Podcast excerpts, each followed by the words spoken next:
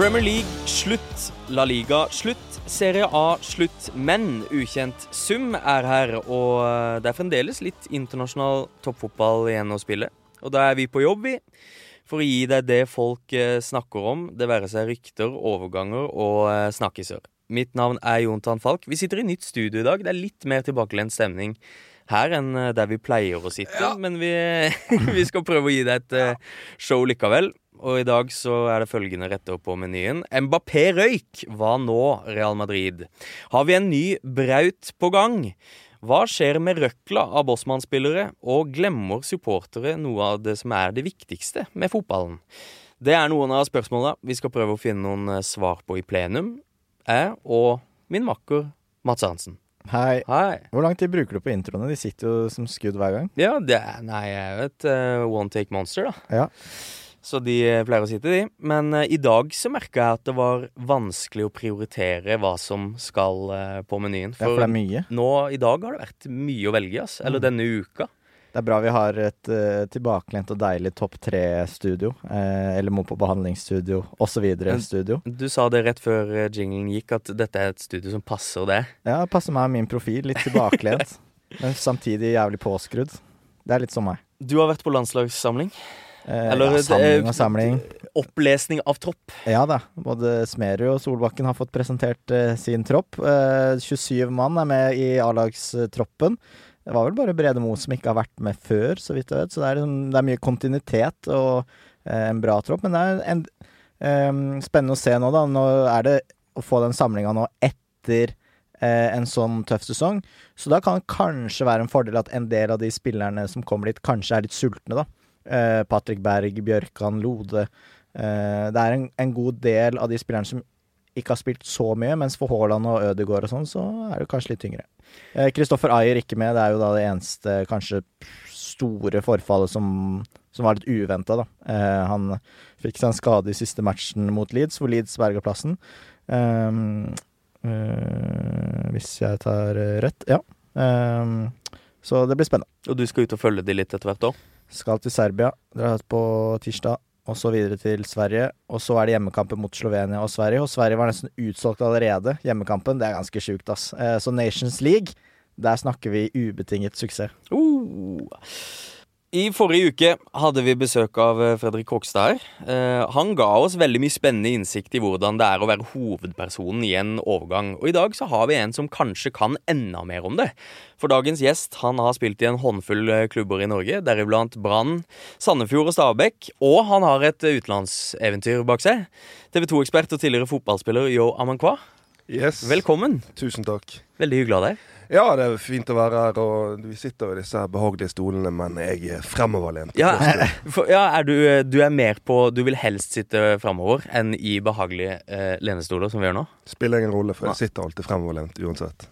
Godt. Er du veldig bevisst på kroppsspråket ditt? Ja, nå har jeg forsket mye på det, så jeg blir jo mer og mer bevisst på det. Og så det der å komme inn i et rom, eller eh, om man har en litt tung dag, rette seg opp i ryggen, opp med haken, det høres jo veldig klisjéaktig ut, men det er noe i det. Du lurer deg selv òg, og livet det handler det. jo ofte om å lure seg selv. Ja, det, det, der, det der kan jo være sånn quote dere kan ha på veggen. Livet handler om å lure seg sjøl. Jeg, jeg snakka jo litt, diskuterte litt sånn kroppsspråk på en fest med Vegard Flemmen Vågbø. Dette ble en veldig digresjon, da. Og han sa nå må du slutte, du kjeder meg. så han er ikke opptatt av det. Det er en liten, liten Ja, mente han at du kjeda Altså, Ja. det- var kjedelig å snakke med deg? jeg sa liksom at jeg sa akkurat det jeg sa nå. At noen ganger når jeg er litt slapp, så kler jeg, kler jeg meg litt opp, for eksempel. Jeg tar på meg litt finere klær. Jeg lærte av en kompis at hvis han var fyllesyk, da tok han på seg det fineste han hadde. For, da, for det første, han, da, da ga han liksom et inntrykk av at han var ikke sliten. Nei. Eh, og det er Og lurte seg sjøl litt. Ja, og hvis også noen ganger hvis jeg er litt ukomfortabel, så strammer jeg meg litt ekstra opp Jo, og men- går inn med litt enda mer selvsikkerhet.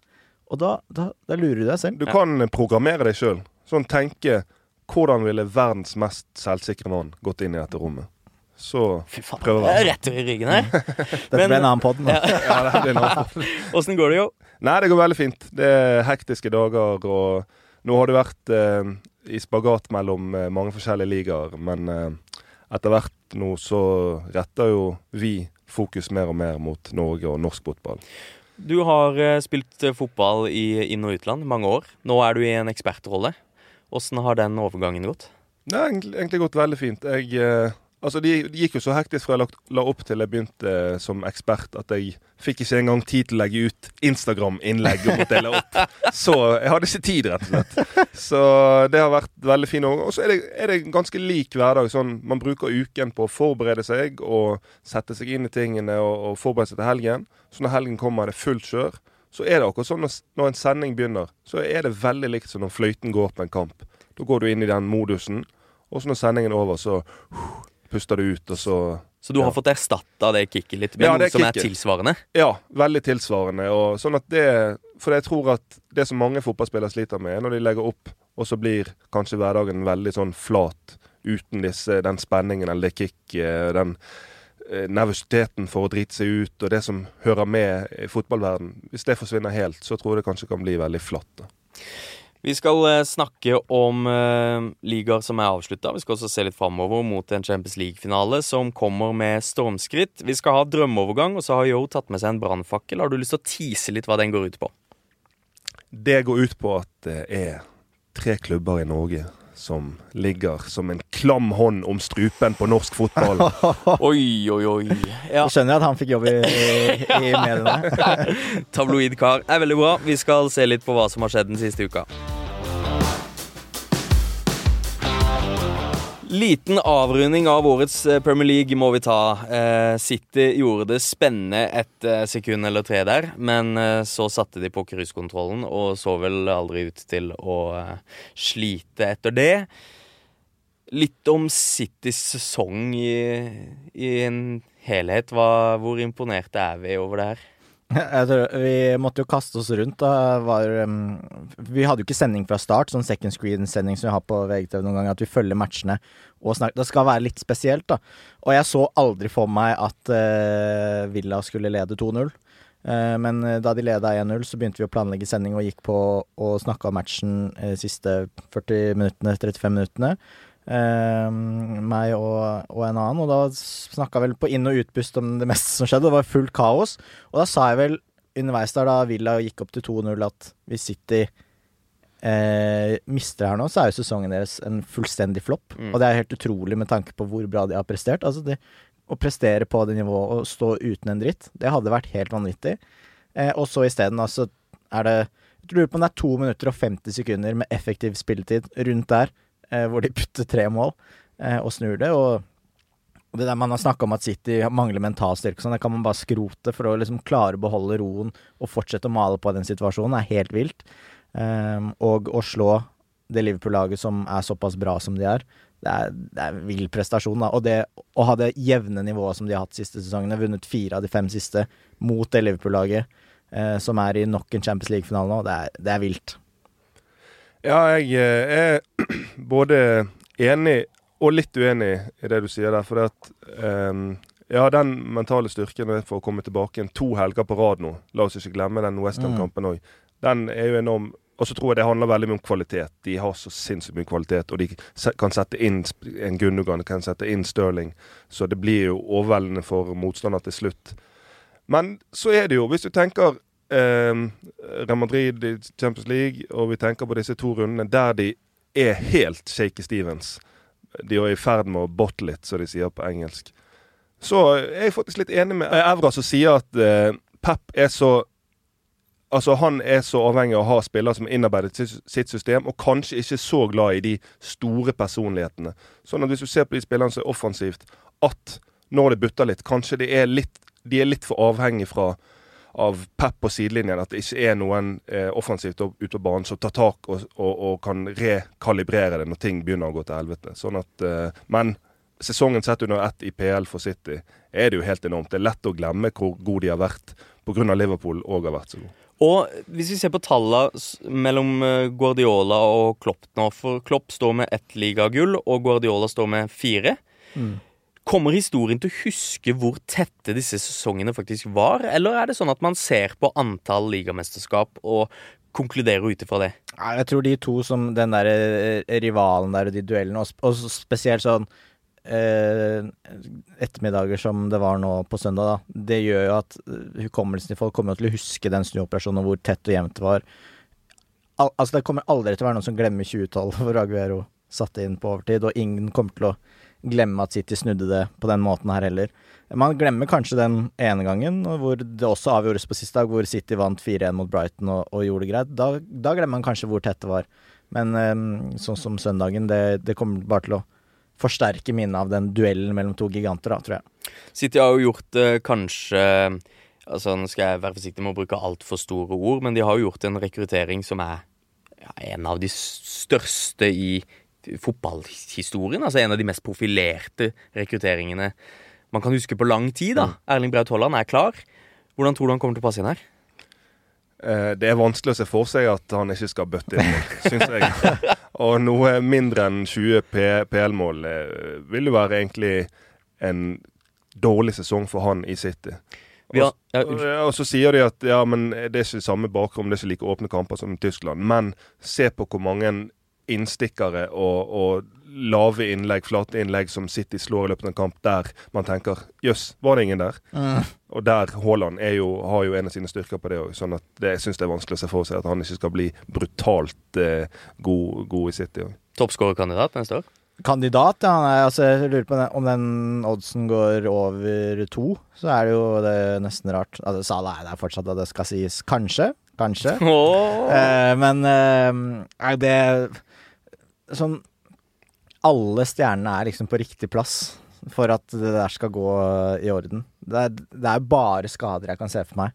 Eh, eller at Pep driver med noen fryktelig rar rotasjon da, som ikke jeg skjønner meg på, men det klarer jeg ikke helt se for meg at, eh, at det skal bli en greie at de eh, Han kommer sikkert til å starte 30 pluss ligakamper, da. Ja, men i fotballen, og for, de all, for alle de som har spilt på oddsen noensinne, så vet du at når ting er sånn Det må bli sånn, fordi at det er ingenting annet som tyder på noe annet. Så blir det aldri sånn. Mm. Det ble sånn at, litt, eh, litt, som søndag, da Villa gikk opp i to ja. eller da QPR lagde trøbbel i, i 2012. Det, sånn, det er ikke mulig at de surrer til det her, og så holder de på å surre det til. Sånn at ut ifra den tankegangen så står jo Braut med åtte mål når vi kommer til ja, mars neste, neste år. Og der, der, er vi litt inne på det med personlighet, som du sier. Da. Og jeg er enig i det også. Altså, at det er um, Vi har jo hatt en gjest tidligere som mente at City er litt sånn at de mangler de store stjernene. da, At det er ekstremt mye gode spillere, men ikke de profilene. Nå har jo på en måte Grealish kommet inn som kanskje skulle være et sånn et type trekkplaster som Som på en måte er en sånn marquee-signing, da, som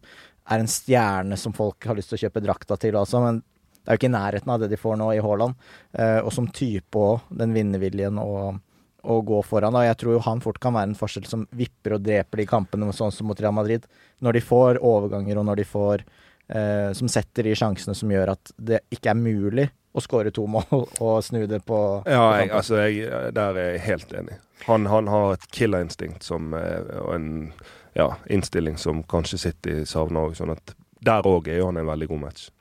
Vi eh, i media syns jo det er eh, Altså alle i Norge syns det er spennende med Braut, og har syns reisen til Braut har vært eh, et eventyr. Uh, nå har den slags, fått et slags punktum. Nå, ikke, nå, spekulerer man ikke lenger i hva som skjer. Men idet Braut Haaland, Føniksen, dør, så fødes det en ny. For nå er det en annen Braut på vei ut i den store verden. Jonathan Braut Brunes. Han herjer i Obos-ligaen. Elleve mål på syv kamper. Nå sier agent Atan Eke at han kan være på vei ut i utlandet til sommer allerede. Dette er altså fetteren til Erling. Mm. Hva, skjer, hva er det de spiser borte på Jæren der? Nei, det er, det er, noe med genetikken. Det, det, er det jo ingen tvil om. Sånn Når du ser at Erling Braut Haaland hadde verdensrekord for femåring på stillestående lengde, så er ikke det fordi han har trent så mye på det før han ble fem år. Sånt det er jo noe. Og, og, og, og han, altså. han Braut Brunes Det er vel fra morssiden, og hun er vel noen sånn mangekjemper, eller hva det heter for noe. Hun har vel drevet med idrett på veldig høyt nivå. Sånn at det er en genetikk der som tydeligvis Og så er det nese for mål. Eh, og han har sikkert latt seg inspirere av fettet Erling. Sånn at, og så er ikke mekanismene Dette vet vel eh, kanskje Mats enda bedre med, men så er ikke mekanismene på overgangsmarkedet, selv i større ligaer, verre enn at når du har Braut i navnet, og du, du er høy og, høy og, blond der, så øker markedsverdien pga. det. Ja, folk er mer villige til å ta en sjanse, da. Eh, så hva skal man si? Det er jo sånn Er det Erling Braut Haaland fra, fra Wish? Ja, det, det det. Er jo slemt sagt? Han, er, han står i fare for å bli en sånn meme. At når han kommer til en eller annen klubb, en litt mindre klubb i utlandet, og, og bare står med fire mål etter halv spilt sesong, så when you order Erling Braut Haaland from ja, Wish det er fort gjort. Men, eh, men som, det er jo fordeler og ulemper med det her. Men eh, det er ikke sånn at, det ikke sånn at alle spisser eh, Det er ikke sånn Start har hatt spisser som har bøtta inn elleve mål på sju kamper, eller hva de har eh, rukket å spille nå. At det skjer hvert, eh, hver eneste sesong. Så han har jo gjort det dritbra, og det lånet har de jo truffet voldsomt med. Og Lillestrøm har jo ei- masse eiendom nå som de kan selge.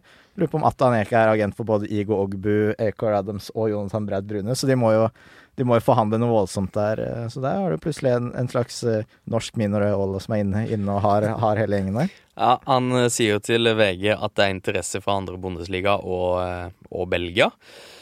Så det blir spennende da å se om eh, Jonathan også kan ta Jeg tror ikke han blir henta til City, da. Nei, Med det første. nei, men kanskje det blir en sånn uh, Mix Diskerud-variant. At han eies av City. og leies til New York Til et City. eller annet eh, Eller sted i systemet. eller hva, eller hva det var de sendte han til. Vi skal snakke litt mer om eh, City, for det, det var noen ville jubelscener eh, i etterkant av eh, seieren deres mot eh, Mot Aston Villa. Og en av de som kanskje tok mest av, eh, Shocker. var Jack Grealish. Vi skal ta og høre på åssen det gikk. It's been brilliant to win my first title. I want to thank everyone, but the main person I want to, the main person that I want to thank is Bernardo Silva for coming off in the 70th minute because he was Jo, hvis du hadde fått dette lydklippet uten å vite hvordan Jack Reelish ser ut, hvordan hadde du beskrevet han da?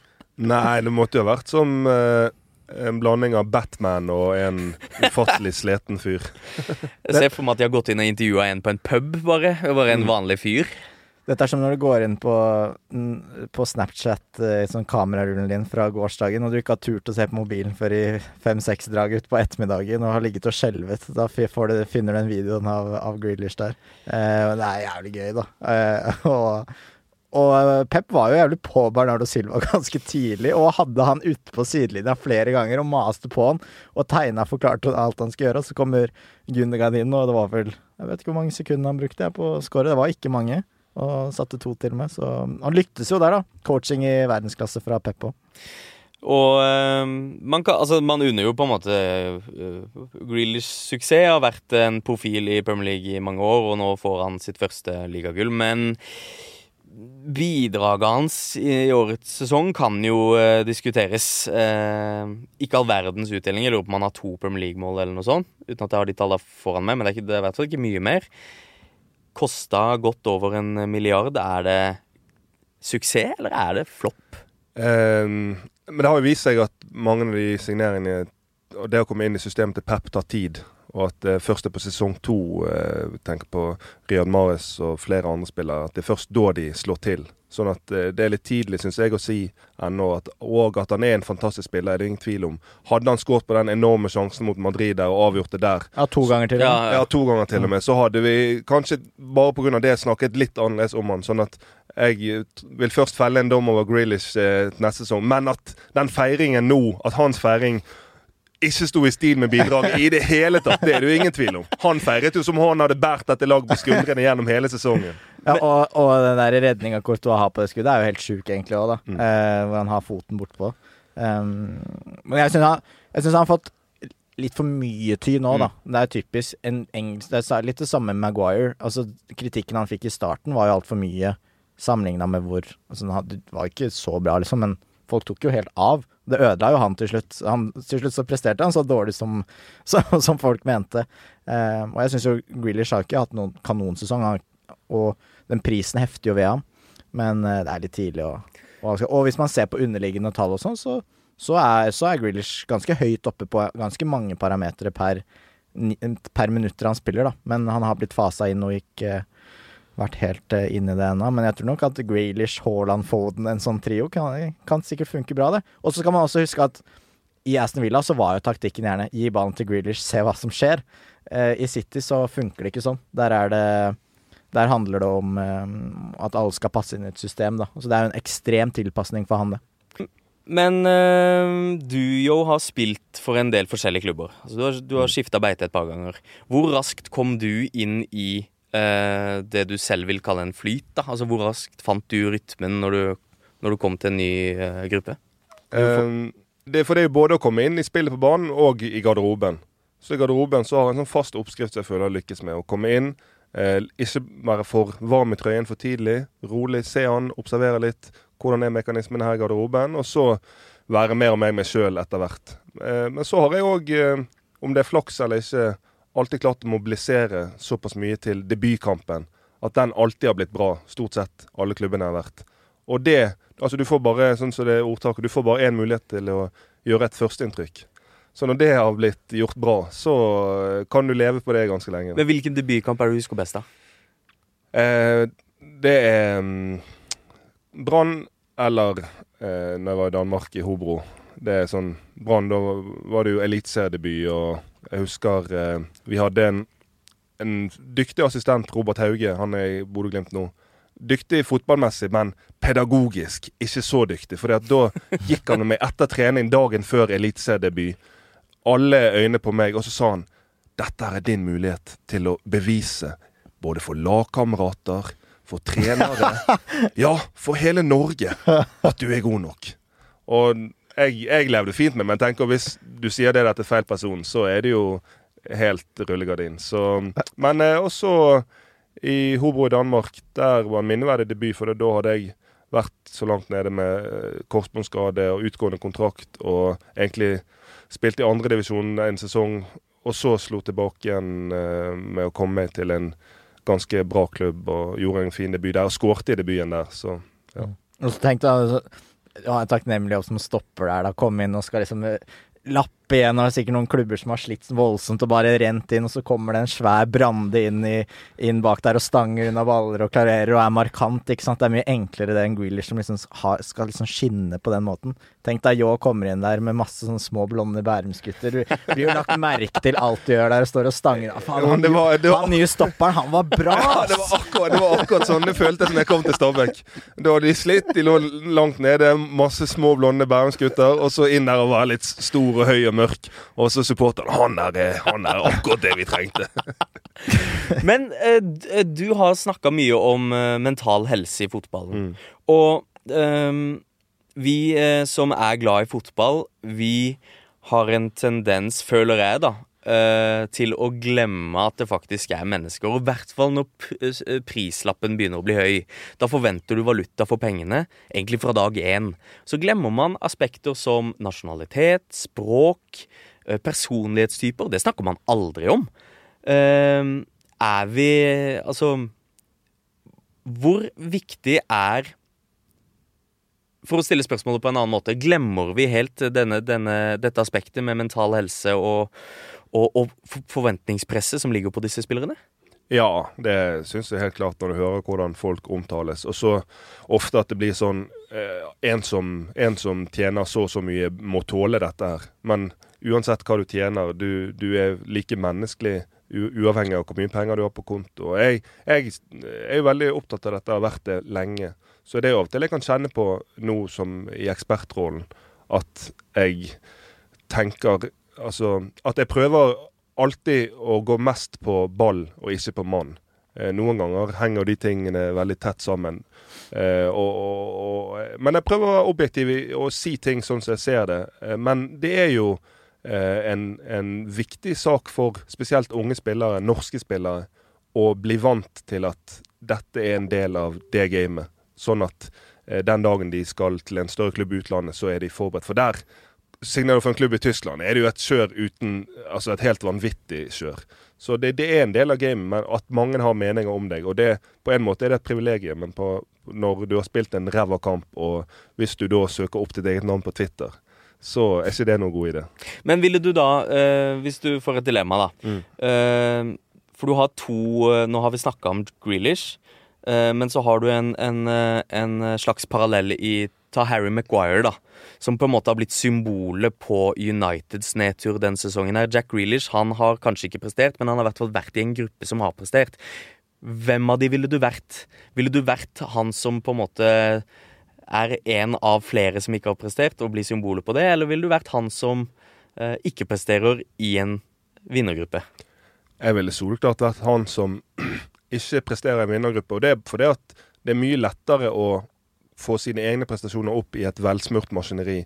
Mens i det United-maskineri som du nevner med Maguire der, så er det bare en sånn sump at det virker som alt av talent og gode spillere bare blir slukt i det. Altså Det er sånn Bermudatriangel for talent og, og, gode egenskaper. Sånn at For Maguire så ser jeg ikke helt med min, altså ser jeg ikke helt uh, hvordan han skal komme seg Veien ut av det. ut, rett og slett. Nei, rett og slett. Ja, det ligger mange flyvrak på bunnen av uh, Bermudatriangelet. Er Maguire typ et nytt et der? Ja, ja, ja. Han, det, han er dessverre det. Så er det sånn, men det er ikke, det er ikke å være en meme, å være, vandre rundt der som en 100 millioner eh, pund dyr meme, er ikke så jævlig fett. Og bombetrusler, og det er jo, det er jo helt vilt eh, mm. at man skal tåle det. Eh, så tror jeg det er mer Jeg tror det er ganske mye fokus på mental trening i storklubbene. Det håper jeg virkelig, og det, tror jeg også. Altså, de er jo på detaljer på alt nå. Eh, og for at du skal drive, så tror jeg at de fleste klubbene i hvert fall, så er det mye av det. Men kanskje det med personlighetstyper er jeg usikker på hvor mange klubber hvor opptatt ulike klubber er. Det virker som f.eks. Liverpool har jo vært opptatt av å ha spillere som passer til en spillestil, de skal være på et visst sted i karrieren, og en del sånne ting, da. Det tror jeg ikke det har vært så mye av i Manchester United. Der har det vært Du har jo omtrent Det virker nesten noen ganger at fansen har jagd opp 'Han der må vi ha', og så har det blitt nok snakk om han til at klubben har fanga det på og hentet Nesten sånn virker det av og til, da. Eh, og da så, så, jeg er veldig spent på noe med den nye retningen, om, om de får orden på det her, da. Men, men, bare det du sier med personlighetstyper, syns jeg er sinnssykt interessant. Det kunne vært en egen tretimers ja. Eh, for det at det er jo sånn Se på en spiller som Kevin De Bruyne, og han har uttalt i intervjuet at han er ekstremt introvert. Mm. Han kan fint sitte uten å snakke med noen eh, i, i, en uke og leve helt fint med det. Sånn at det der å vite litt hva type er det vi har i troppen, hva type er det vi trenger, og, og, og, hva type er det som fungerer godt sammen. Du trenger, Akkurat som med fotballegenskaper, så trenger du noen komplementære personlighetstyper òg. Sånn at eh, hvis du har en veldig god ferdighetsmessig ballspiller eh, Et godt eksempel syns jeg er Bentancour og Høibjerg for Tottenham. Høibjerg som er veldig sånn ekstrovert bisse bikkje og kommuniserer masse, og så Bentancour som er eh, kanskje litt mer lavmælt, men veldig slepen og, og rolig med ball. Sånn at det er da å sette sammen de gode kombinasjonene. Og Man ser den Amazon Prime-dukken nå. Så har du liksom Kane som er sånn aktig og fucking fucking eh, altså, er, Så er det Mourinho som hvordan han på en måte prøver å kue spillere. Nesten sånn samme hva slags folk Det er ikke som om han tilpasser seg. Det blir litt som Hauge, da, som går bort og sier at uh, dette er din mulighet, mm. og litt sånn. At Mourinho er sånn Han kjører Nå har det blitt sånn My Way or The Highway, har liksom blitt en sånn positiv greie, men Mourinho du ser mange han har ødelagt av å bare kjøre samme ja, ja. stilen hele tiden. Eh, og en liten parallell altså, Det er jo det inntrykket vi får av garderoben, det er jo via den serien og sånn, men i Norge er det jo litt enklere, for der har vi ofte vært på innsiden. Du har jo vært i garderoben, og min erfaring var jo da vi jobba med på innsiden i Lillestrøm, eh, for eksempel. Og da var vi nå der hele tiden. Og der syns jeg det mangla litt sånn verbale ledertyper. Du hadde Frode Kippe som var den lederen i form av Men ikke så verbal som, som noen er. Og så ser man nå på Lillestrøm nå, etter at Gjermund Aasen, Pål André Helland har kommet inn, eh, et par av de der hva noen typer kan gjøre med å løfte laget. da, Og bære laget som at man har tro på det. Man drar i en retning med en vinnerkultur, og um, at garderoben liksom har tro på noe. For jeg mener at Lillestrøm de har veldig bra spillere, men jeg tror den, uh, den dynamikken og den uh, troppen og de folka de har der, bidrar til at det laget presterer og vinner jevne kamper. da. Uh, og der tror jeg, mener, man, mener jeg at man ser mye av verdien av å ha riktige typer. Dette er jo fasiten. Skriv det ned og heng det opp på veggen. eh, vi, snakker, vi var så vidt innom Liverpool. Vi skal eh, snakke litt om eh, deres motstandere i eh, lørdagens CL-finale. Og kort, hvem holder dere som favoritter? Liverpool. Ja, Liverpool. Eh, virkelig? Ja. Faktisk. Altså, det er et, det er et mye bedre fotballag, eh, syns jeg. Eh, og alt fungerer hos de. Hos Real Madrid er det jo noen huller, og du har historien og alt sånt, men de har jo på en måte hankla seg videre med på et utrolig merkelig vis. Eh, man skal ikke avskrive Real Madrid i Champions League, da. det er jo en klisjé, men det har jo vist seg virkelig å være sant. Og den veien de har hatt i finalen nå, har jo vært ganske vill. Eh, det er vel Ja, det er helt vilt er at de er i det. den We're finalen. Kings-kapittel, eh, Ja, ja. de, de utslagsrunden her, og med detaljer om hva som har skjedd på veien, og Benzema og Nei, det har vært, det har vært rått, og den finalen blir dødskul. Eh, men det er jo ikke noe tvil om at Liverpool er favoritter. Det er det jo ikke.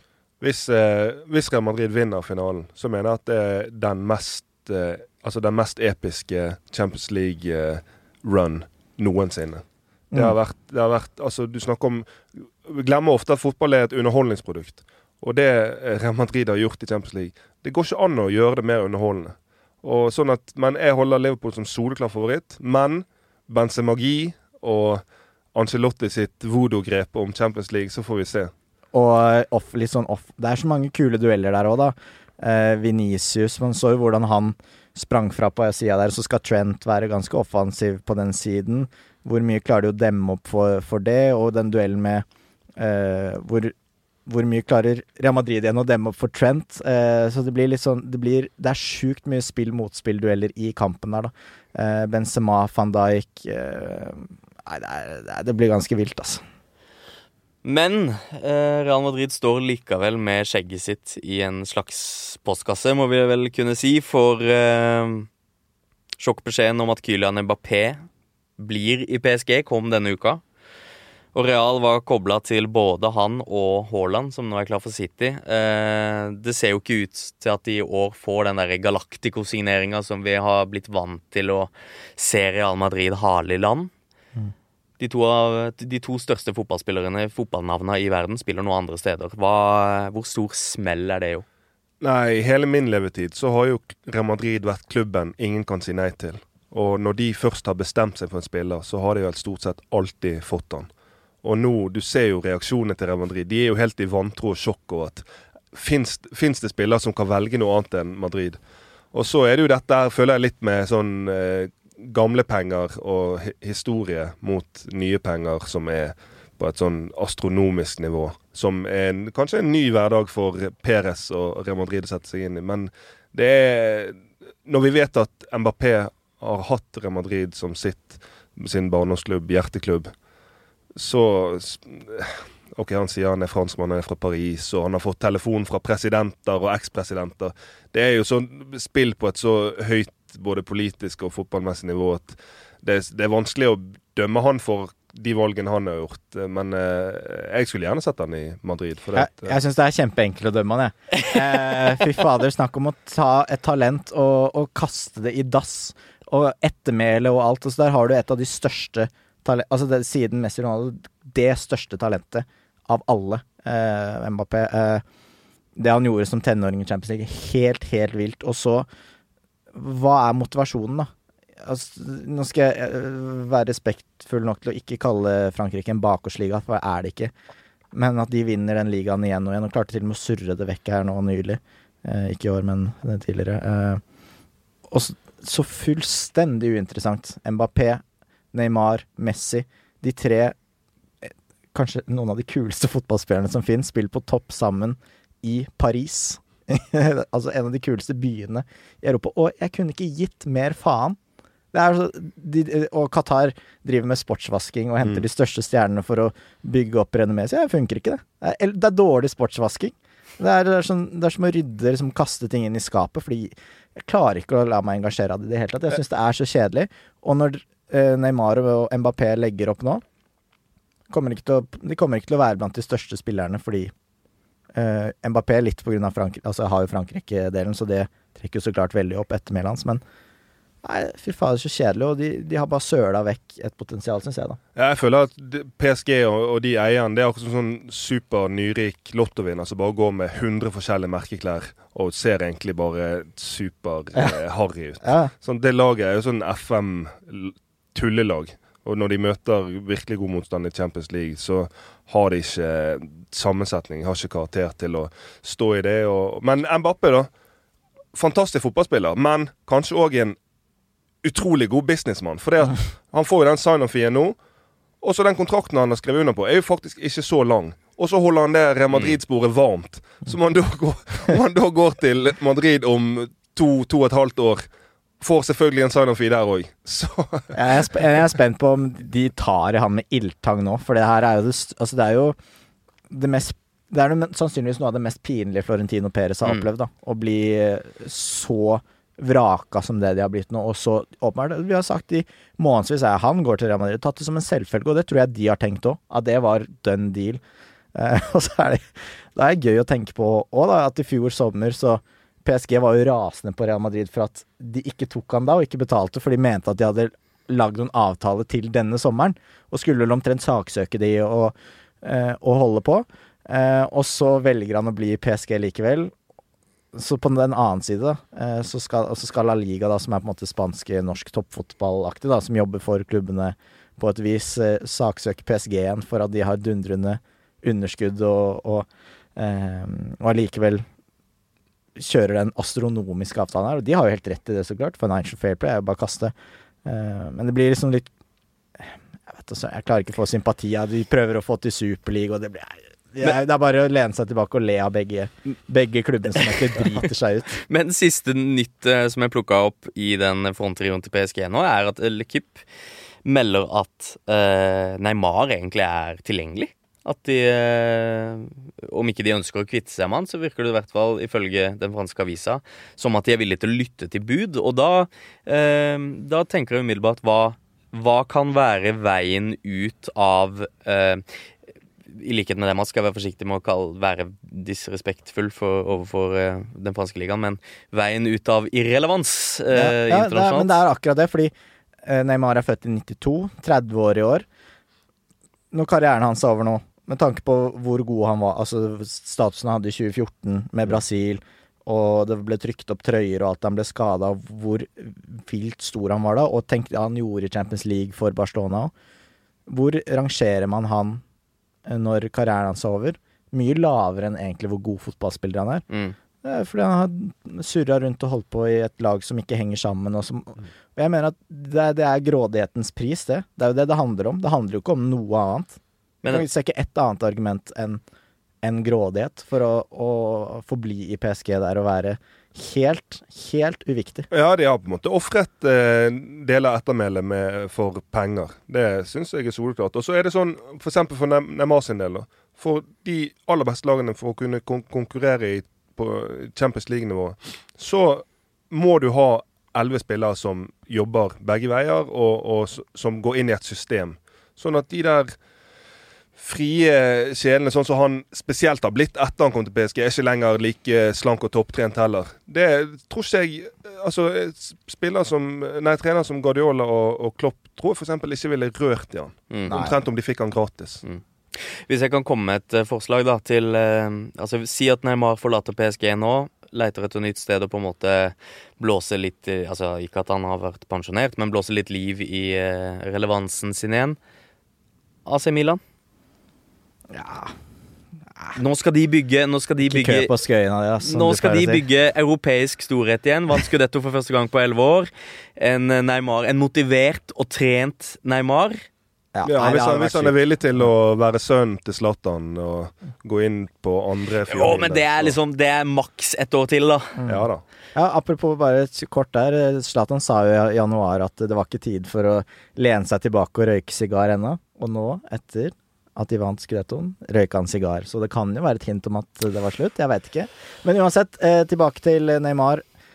Eh, jeg elsker jo egentlig å se på Neymar, og jeg syns det er, litt, det er litt gubbete hvor mye kritikk han får for de, de filmingene sine. For man skal huske på at eh, da han spilte i Brasil og så, Han ble jo nesten drept. Det er jo sånn i. Brasil at hvis du, hvis du ydmyker noen med en finte, så kommer du da, da blir du nesten drept. Det er verre enn, enn å gi noen juling. Og eh, så klart la seg til seg noen uvaner der, og har tatt med seg det til Europa. Og det er jo mye, men det er sånn Jeg syns, nesten folk er litt for gubbete, altså. At det er for mye snakk om det der filming og overspilling og bryr meg ikke egentlig så mye om det. Det er, Ja, det er litt brannfakkel. Ja. Så det er mye kjedelig at han bare er i PSG og er uviktig. Det er jeg enig i. Vi skal skifte fokus litt. Eh, rekkekamerat til eh, disse guttene, Angel Di Maria. Han er en av eh, mange, mange toppspillere uten kontrakt nå. Står fritt, står fritt til å forhandle med hvem han vil. Det har lenge vært snakka om Juventus. Eh, de siste rapportene som jeg har uh, plukka opp, eh, melder at eh, Barcelona nå skal være interessert. Det hadde jo vært kontroversielt med tanke på Real Madrid-fortida hans. Eh, men jeg ville snakke litt om dette med altså, eh, Bare for å ta noen, da. Rydiger virker å være Real Madrid eh, done deal. Eh, Andreas Christensen har vært eh, Barcelona. Om ikke han er klar, så er vel det, virker det også å være Don deal. Men Ja. um, Paul Pogba, vet vi, vet vi noe mer om hva som skjer der? Ja, Bare få han til PSG, så er jo det komplett. Ja, virkelig. Da, da er det kanskje historiens mest uregjerlige lag. Og alle prinsipper om sam, samhold og prestasjonskultur og alt er bare å skrote. Der er det Hvis noen har sett filmen The Purge, så er det sånn det er i garderoben i PSG. Uh, du har vært Bossmann-spiller sjøl, Jo. Eh, det må jo være en litt spesiell situasjon å være i uh, for en fotballspiller. Ja da, det er det. Og så skulle jeg gjerne vært bossmann med muligheten for de sign-up-feesene det er snakk om her. Men eh, det er jo en spesiell situasjon. Også det der å gå ut en kontrakt er jo egentlig super gambling. For det at eh, jeg, eh, ja, som sagt, fikk en ni måneders korsbåndskade på utgående kontrakt med fem måneder igjen av, av den. Og da er du jo rimelig fucket. Men selvfølgelig, hvis du Jeg opplevde det på slutten i Danmark, så ønsket jeg meg hjem igjen til Norge og eh, Oslo litt pga. familiesituasjonen og sånn. Presterte veldig godt, og, og da har du jo gode kort på hånden. Da er du gratis for klubb og du kan spille litt på det. Så det kommer egentlig helt an på Har du prestert godt og er skadefri, så er det jo en drømmesituasjon. Og her kan du gi oss litt uh, kul inside-informasjon som tidligere fotballspiller. For det, du, er, du sitter i Danmark. Mm. Du føler deg bra. Du vil hjem til Norge. Hva gjør du da? Um, det du gjør, er jo også bare Du tenker veldig sånn Bare la meg Jeg skal bare avslutte dette på en best, best, best mulig måte. Og så kommer det interesse for klubber. Jo, men hva er det sånn, Da ringer du agenten og sier du, nå kan jeg tenke meg å reise hjem til Norge igjen. Kan du fikse det, eller? eller Ja, så, ja. ja. sier eh, det, kommuniserer det ut. Og så sier jeg selvfølgelig til egen klubb at bare vit at jeg reiser hjem, så dere kan bare begynne å planlegge uten meg. Mm. Og så legger han agenten ut noen følere, og så er det jo bare om å gjøre Folk husker jo best det siste som skjedde. Så jo bedre de siste kampene blir, jo bedre kort har du på hånden. Og det, det syns jeg var en veldig gøy og ve- supermotiverende situasjon. For du vet at du du, du, det er så avgjørende, de, de kampene, og du, du har så mye å vinne på å gjøre det bra. Fredrik Hogstad var her forrige uke og fortalte litt om eh, at du skal forholde deg til mye rart eh, hvis du presterer på et jevnt godt nivå også i Eliteserien. At det kommer eh, mye ymse tilbud. Han eh, dro vel fram Dundalk som en eh, interessent i hans egen reise. Har du opplevd det? At det Ja, ja, det er jo alltid sånn på Facebook, Messenger og på WhatsApp. Hi, I agent, you play. På det nivået. Og så eh, Men for å si det sånn, da. Hvis det er en seriøs klubb som mener alvor, så går de gjennom de seriøse kanalene og, og er villig til å gjøre det som skal til. Da går det ikke gjennom en agent du aldri har hørt om på WhatsApp-innboksen. Eh, Men, men sånn som i den situasjonen jeg skulle hjem fra Danmark, så var det jo veldig konkret med Sarpsborg og etter hvert Stabæk. Og Thomas Berntsen dro ned til Danmark for å se kamper. Jeg snakket med han. og ja, sånn at da blir det jo veldig konkret og seriøst. Lettere å håndtere. Mm. Eh, Har du, kan, har du fått noen uh, tilbud? uh, altså spesielle tilbud opp igjennom som du kan fortelle om? Ja, Uh, jeg fikk et tilbud fra en klubb i eh, Nå står det helt stille. Den. Baku. Ja. Baku. Ja, i eh, eh, Aserbajdsjan. Ja. ja. Eh, og så var det en greie med at den klubben var eid av den byen, eller Jeg husker ikke nøyaktig eh, Nøyaktig hvor det var, og nøyaktig hva det var, men det var eid av den klubben, så de kunne garantere for den og den lønnen i dollar. Sånn og sånn. men eh, det blir jo bare til at du, du er litt sånn skeptisk. Bare, du, jeg tenkte bare dette gidder ikke jeg å ta stilling til. Hvis det er seriøst, så får de gå gjennom de seriøse kanalene. Mm. Jeg, jeg orker ikke å fiske etter noe sånt som dette sjøl. Og dette høres jo eh, akkurat ut som den type eventyr jeg kan se for meg at din tidligere agent har vært gira på å eh, i hvert fall kunne fortelle om i ettertid. For du har eh, en historie med eh, fenomenet, Twitter-fenomenet Knut Høybråten. Ja. Eh, eh, han var din agent eh, tidligere i karrieren din. To ord om han. Ja, nei, det var begynnelsen av karrieren, og det er jo helt tilfeldig at han ble min agent. Fordi at moren hans jobbet sammen med pappa, og så sa pappa at jeg eh, var en spennende spiller, jeg begynte nå å få interesse for klubber. Og så sa jeg ja, min sønn er jo sånn fotballrådgiver. Så ble jeg satt i kontakt der.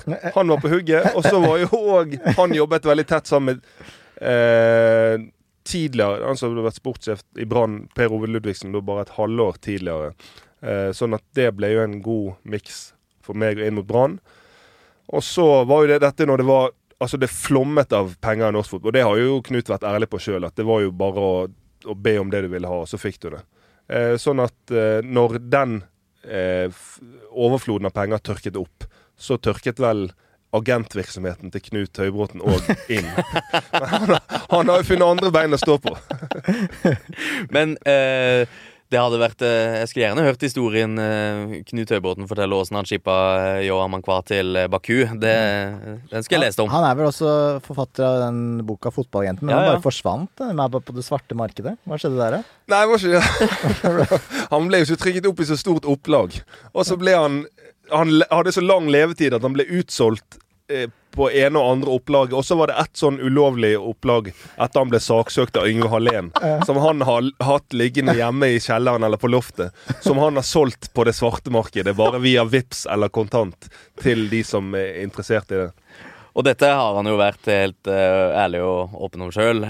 fyren har den uh, mest Den ærligste Twitter-kontoen jeg har vært uh, borti, tror jeg. Men veldig Ja, det ærlige er ordet. Ja, ja, altså, eller, ja, eller åpen. Han forteller hjertelig om, om sin egen Så jeg virksomhet. siste jeg så fra den Twitter-feeden hans, var at han gratulerer med det. Knut han giftet seg eh, nå i helgen. Og det siste bildet jeg så fra, tweet, fra feeden hans, var eh, kommende brud som fikk kjolen sin anrettet og fikset på av ekskonen. Ja. Så det er jo Ja, enormt. det er. Eh, vi, skal, eh, vi skal lukke avisene litt, vi. Vi skal videre til eh, Yos brannfakkel. Og Brannfakkel er eh, et konsept hvor eh, gjest inviteres eh, til å lufte sine kontroversielle fotballmeninger. Så får målet være å overbevise oss som sitter her, og de som hører på. Hva har du med, Jo? Som i introen så sa jeg at en norsk fotball som jeg nå opplever er på vei opp og frem. Et landslag med profiler og en fantastisk dyktig trener. Og, og klubber som, der det yngler godt. Et Bodø-Glimt som har gått i front, og et Molde som alltid er solid. Men så er det tre klubber som da går til norsk fotball og legger sin klamme hånd rundt strupen på det som norsk fotball vi alle drømmer om at det kan bli. Og det er de tre store fra Norges tre største byer. Jeg snakker om Rosenborg, Brann og Vålerenga. Kronisk underpresterende klubber som med sin all honnør til supporterne som prøver og prøver, holder et veldig høyt og fint nivå. Vi har sett de kokende idiotene i Bergen. Men klubbene klarer ikke å innfri en drit. Min klubb Brann ligger og sveiver nede i Obos. Riktignok ser det veldig lovende ut nå, men tenk om istedenfor en cupfinale mellom Molde og Glimt, og at det er de som er i front. All ære til de, men det er små byer. Det er begrenset hvor mye folk de kan få med. Tenk om det hadde vært vi, eh, Vålerenga mot Brann. Tenk om Rosenborg hadde kommet tilbake til gammel storhet og, og fått med seg den entusiasmen. Det hadde gjort så mye for norsk fotball. Sånn at den inkompetansen og underprestasjonene som har vært i de klubbene år etter år etter år etter år, det hindrer norsk fotball i å bli det som vi alle drømmer om at det kan, og forhåpentligvis skal bli. Men hva er det det hindrer, er det det hindrer andre klubber i å oppnå? Fordi i fraværet av gode prestasjoner fra Rosenborg, Vålerenga og øh, Hva var det siste du sa? Eh, jo, Brann. Ja. Eh, så er det jo andre klubber som kommer til. Altså, da er det jo seriemesterskap i Molde i eh, Men tenk engasjementet, da. Hvis Du snakker jo ofte om cup og Skøyen og, og alt sånt. Tenk cupfinale mellom Vålerenga og Brann. Tenk om det var Oslo og Bergen og Trondheim som, som reiste rundt i Europa. Er det, men, altså, at det hadde vært enda råere om det ikke var Bodø. Ja, ja. Altså, det er kult at Bodø har opplevd det, men tenk hvis det var Oslo, Bergen, Trondheim som reiste rundt eh, i Europa, og at, at Oslo da hadde et lag som slo Roma, ja. Mm. for Tenk, eksempel. tenk det koket på Intility. Eh, Vålerenga-Roma 6-1. Altså det, ja, men, ja, men seriøst. Ja, ja. Bodø-Glimt har vist at det er mulig. Og det bør være enda mer mulig for disse klubbene med de forutsetningene de har.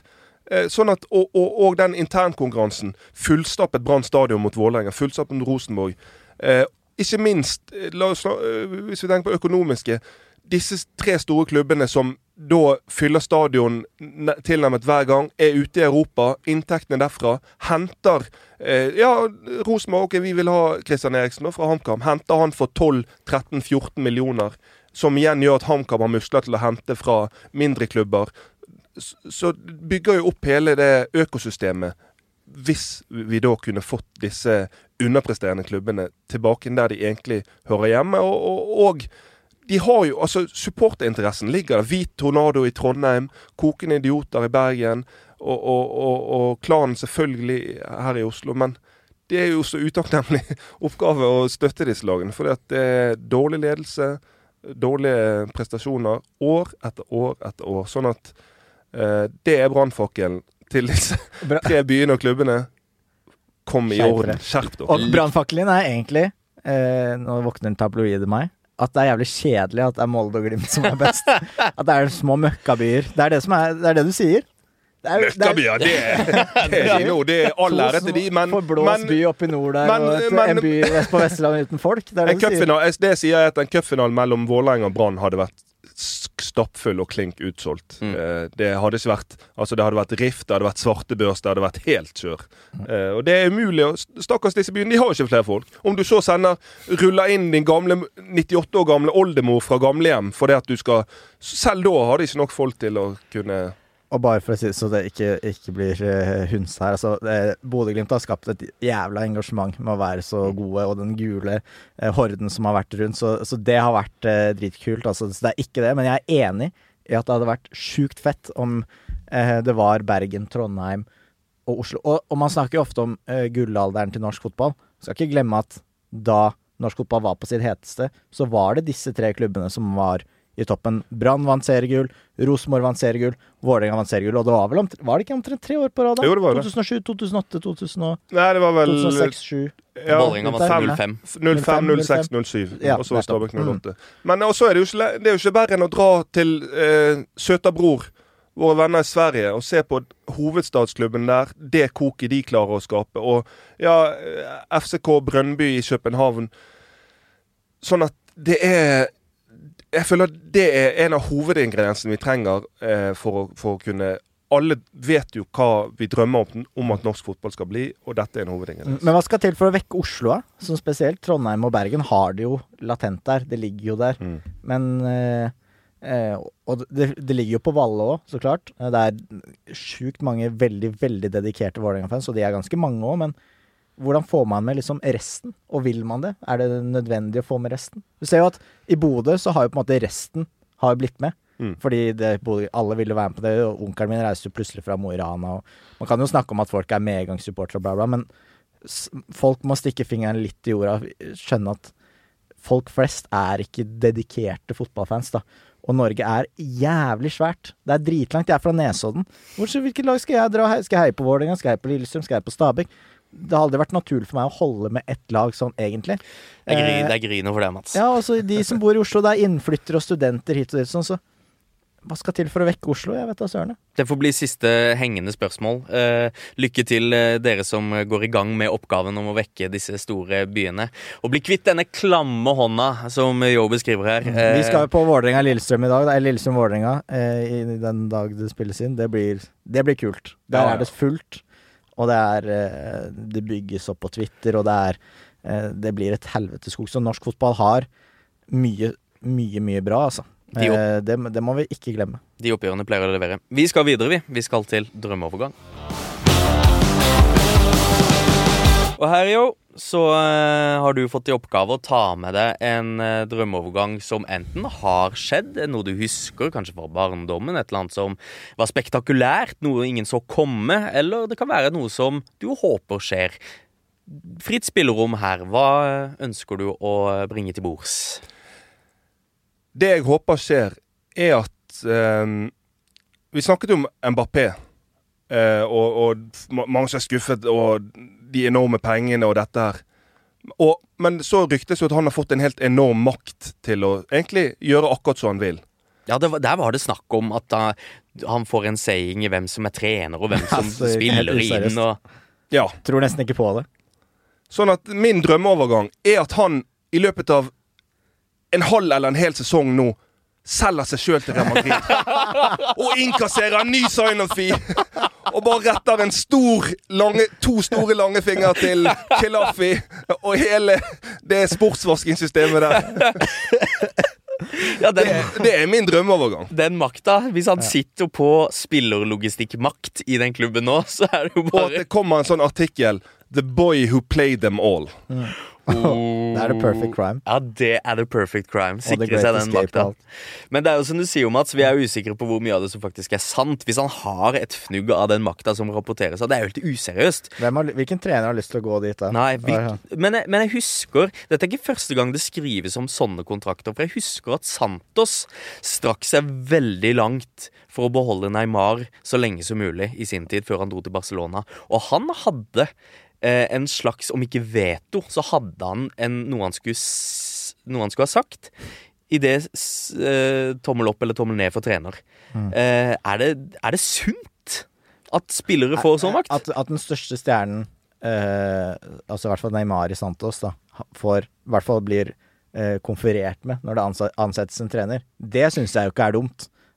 Generelt at nøkkelspillerne eh, er med å diskutere lite grann på eh, Hvis det er noen som er eh, Som på en måte er så eh, markante, da, og som en sportsdirektør f.eks. har henta til klubben, er som klubben, hvis de har en rød tråd, henta til klubben for at de skal drive det framover, at de er litt på bølgelengde.